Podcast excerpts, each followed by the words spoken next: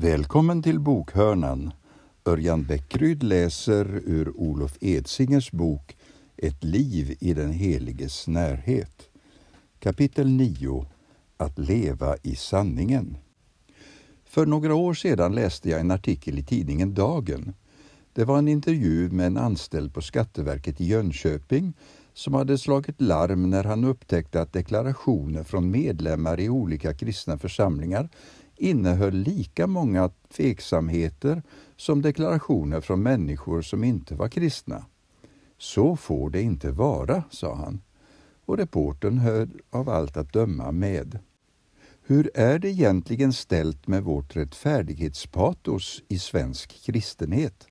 Tycker vi att det är okej okay att man som kristen ägnar sig åt svartjobb, deklarationsfusk och liknande på samma sätt som alla andra? Och om inte, är vi beredda att ta tag i dessa problem, till exempel när vi samlas för gudstjänst och gemenskap? Något vi kan vara helt säkra på är i alla fall att det vi nu har kommit in på är en hjärtefråga för Bibelns författare.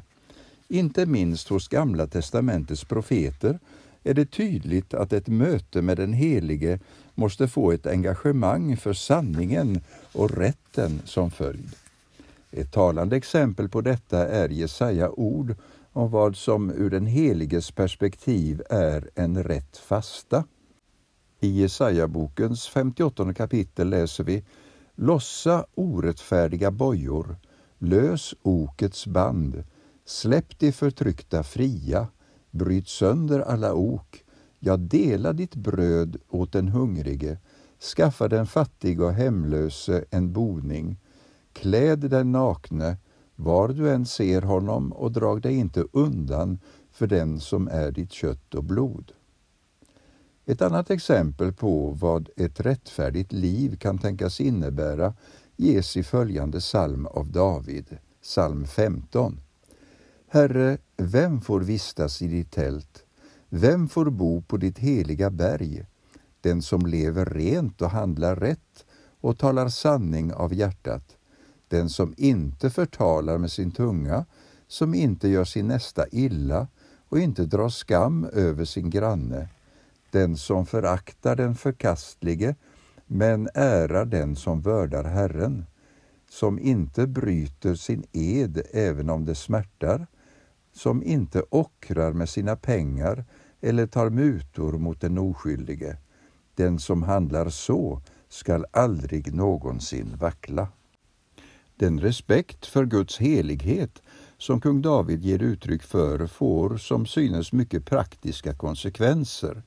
Personligen blev jag starkast berörd av formuleringen den som inte bryter sin ed även om det smärtar.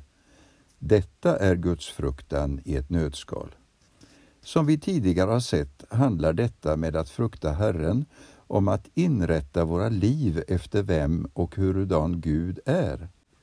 Det är att låta vårt sätt att tänka, tala, handla och prioritera präglas av den kunskap som vi har om Gud, den Gud som är både helig och kärleksfull. Annorlunda uttryckt handlar gudsfruktan om att ta fasta på att Gud är den norm efter vilken allt annat i den här världen ska dömas och bedömas, att alltid och i alla lägen bekänna sig till sanningen. Det senare blir tydligt i Gamla testamentets förbud mot falska mått och vikter. Ni ska inte göra orätt när ni dömer i fråga om längd, vikt eller rymd, står det i Guds Tora. Rätt våg, rätt vikter, rätt efa, rätt hinmått ska ni ha. Och i ett annat sammanhang, du ska inte ha två slags vikt i din börs, en stor och en liten, och i ditt hem ska du inte ha två slags efamått, ett stort och ett litet. Orsaken till den här typen av förbud var förstås att man som handelsman inte skulle kunna lura sina kunder genom att använda falska vikter och mått. Men den bibliska motiveringen för dessa lagar ligger djupare än så. Att upphäva normerna för mått och vikt är nämligen för Bibelns författare detsamma som att göra uppror mot Herren själv. Den Gud som enligt egen utsaga är normen, ja den verkliga normen. Vore jag rättfärdig om jag tillät orätt våg och falska vikter i väskan, säger Herren genom profeten Mika. Den kompromisslösa hållningen till sanningen och rätten går igen också i Bibelns tal om pengar. Mest utmanande i denna fråga är i mitt tycke Jesus själv. Han säger Den som är trogen i smått är också trogen i stort och den som är ohederlig i smått är också ohederlig i stort. Om ni inte har varit trogna med den ohederlige mammon, vem vill då anförtro er den sanna rikedomen? Och har ni inte varit trogna med det som tillhör en annan, vem vill då ge er det som ska bli ert? Ingen kan tjäna två herrar. Antingen kommer han att hata den ene och älska den andre, eller också hålla sig till den ene och förakta den andre. Ni kan inte tjäna både Gud och mammon. För mig själv har de här orden haft en omskakande effekt. Jesus tycks ju mena att vårt sätt att förhålla oss till pengar står i direkt relation till hans förmåga att anförtro oss den sanna rikedomen, alltså den himmelska världens skatter. Få saker har utmanat mig så mycket som denna inträngande undervisning från Herren. Att kompromissa på det ekonomiska området är detsamma som att blockera Guds välsignelser över våra liv. Samma sak kan med all säkerhet sägas om det habegär och den brist på generositet som i dagsläget präglar så mycket av vår egen kultur. Det är inte för inte som Nya testamentet innehåller nästan hundra olika varningar för missbruk av pengar i allmänhet och girighet i synnerhet. En nytestamentlig utläggning av det heliga livet. När apostlarna i Nya testamentet talar om helgelsen verkar det som om de ibland följer en på förhand given mall för sin undervisning. Särskilt hos Paulus är det tydligt att han helst tar sin utgångspunkt i vad vi som kristna har blivit givna genom vår tro på Kristus och att han först därefter väljer att gå in på vilka konsekvenser som detta nådesingripande är tänkt att få i våra liv.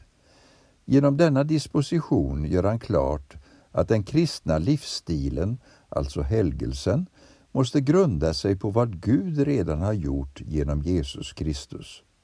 Ett bra exempel på detta finner vi i Paulus brev till Efesierna.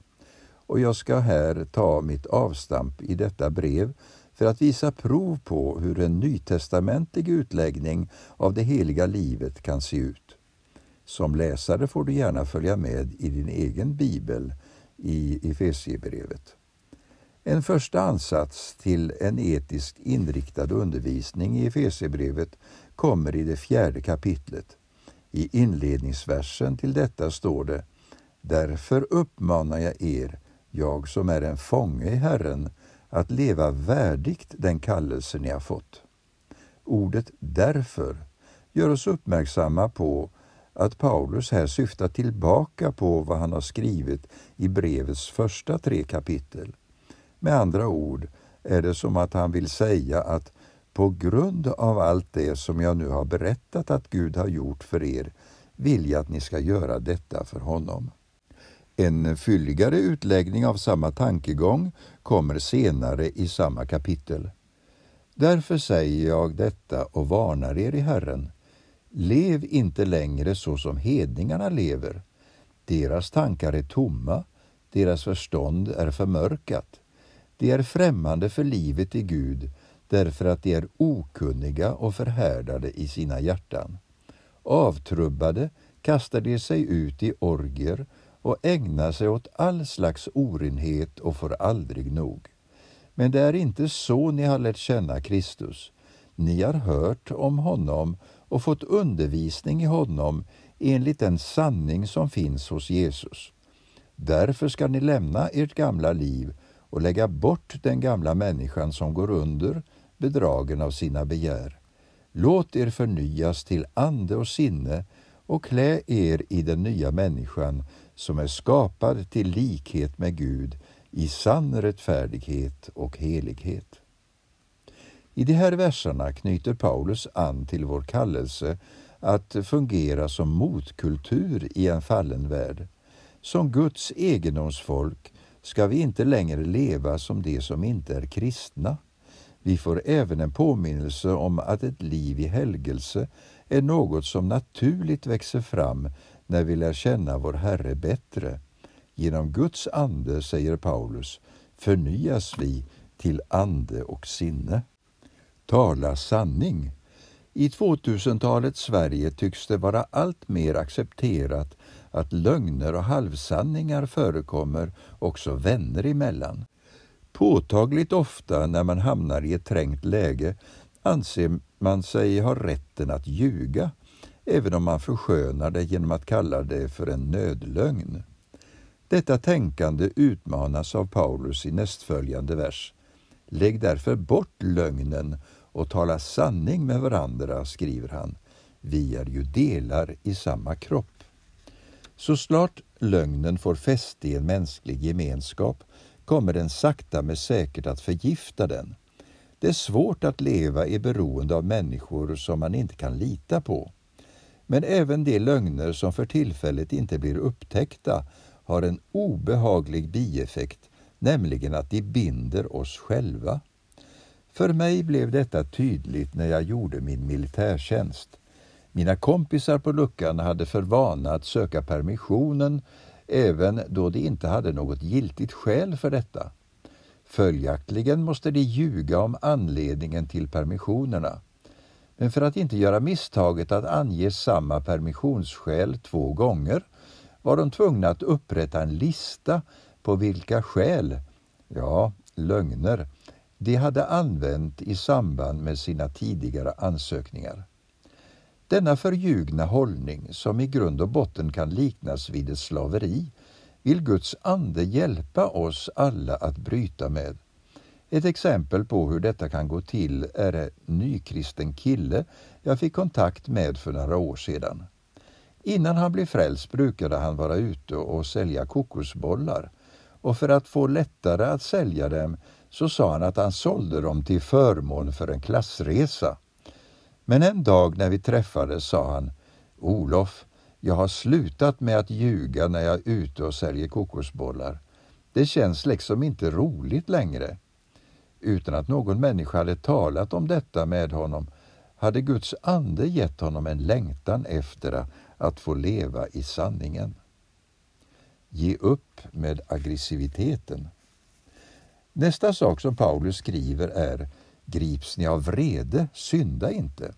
Låt inte solen gå ner över er vrede och ge inte djävulen något tillfälle. Detta har för mig varit en utmanande förmaning. När jag gick i högstadiet lyssnade jag en hel del på hårdrock och när jag blev arg brukade jag gå in på mitt rum och sätta på Metallica eller liknande på hög, högsta volym. Då tyckte jag att jag hade fått utlopp för min aggressivitet. Men det intressanta var att vreden och aggressiviteten i mitt liv snarare växte än avtog genom den här typen av avreagering. Först när jag i Australien hade mitt möte med den heliga Ande började aggressiviteten att på allvar försvinna ur mitt liv. Min egen slutsats är att vrede inte är något som vi ska hänge oss åt. Självklart får vi bli arga. Även Paulus öppnar ju för den tolkningen. Dessutom finns det något som eh, brukar kallas för en helig vrede, alltså en ilska över det som är ont eller orättfärdigt i tillvaron. Det var den typ av vrede som Jesus gav uttryck för när han drev ut försäljarna ur templet. Men vi ska ändå se upp med aggressivitetens mörkare sidor. Både ondskan i oss själva och den onda makten utanför oss kan få ett insteg i våra liv genom vreden och dess följder. Välkommen att lyssna till ett nytt kapitel ur Olof Edsingers bok.